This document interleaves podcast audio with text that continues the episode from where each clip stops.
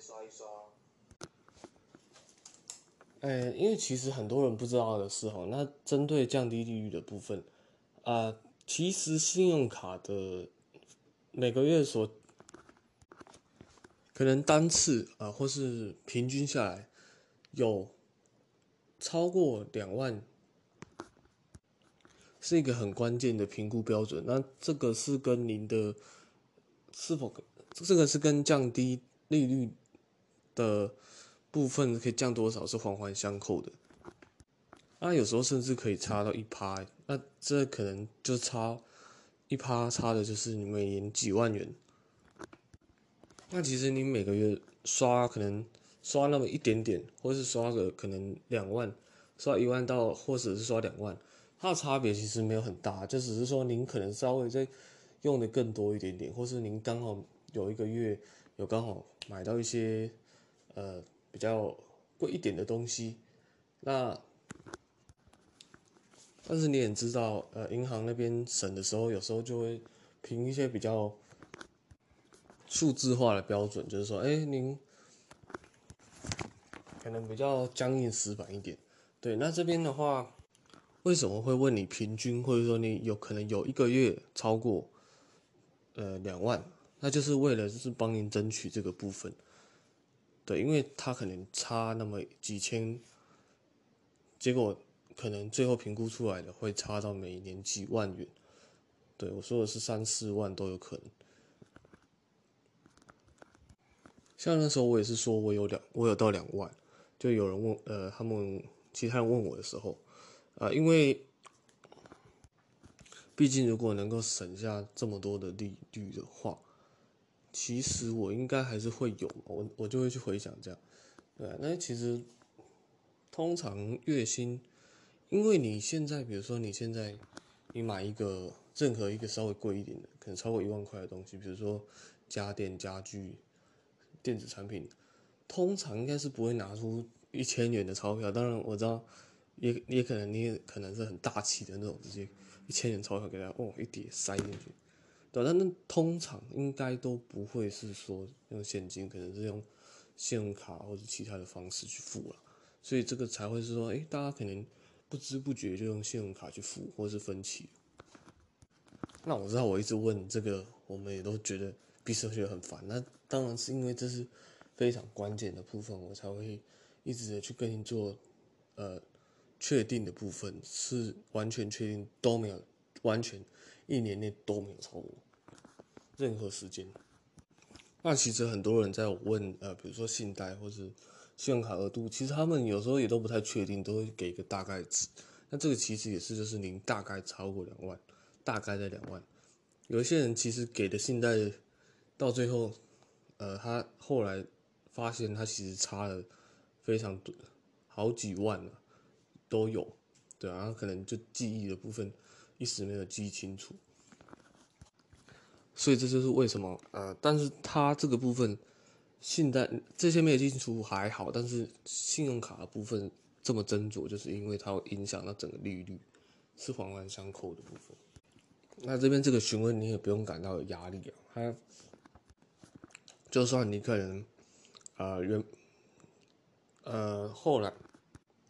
就算你可能最后实际得出你可能信用卡。精算之后，真的就只有缴到三万、两万，但是，嗯，你可能说的是，哎，这个三万多吧，我不太确定，或两万多，结果只有两万，那，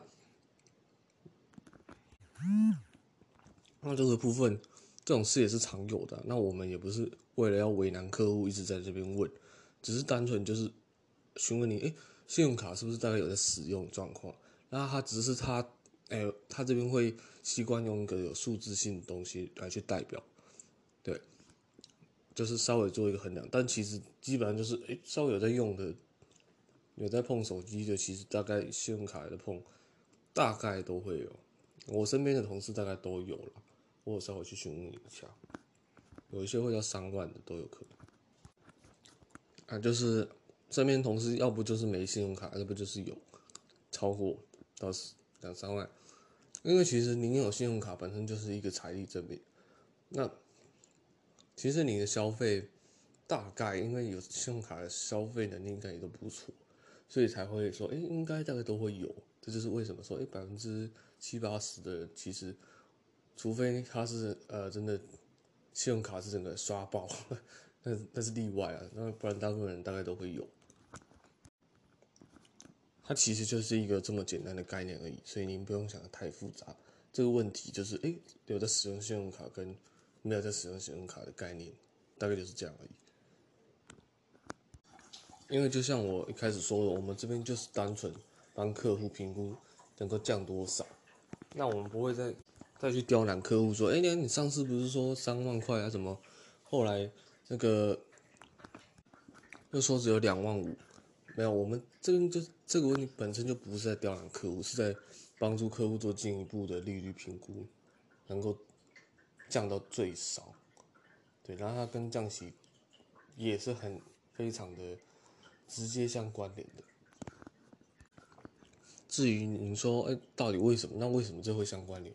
那只能说它就是一个财力状况证明而已。对，就像是您有信用卡或没有信用卡的概念，它就是一个财力证明。让您的呃降息利率的部分可以更有说服力的去降得更低，对，绝对不是说哎我今天说哎两万按就还跑去刷刷刷了两万，当然是绝对不是这样啊，对啊？就是我今天说两万五，结果还还跑去刷到可能两万五两万六这样，当然不是嘛，就是呃我们在这边就是单纯询问你就是。您的财力状况大概就是，哎，可以每个月大概两万这样，正常的日常开销啦，买菜什么的，对啊，不是说要在那边，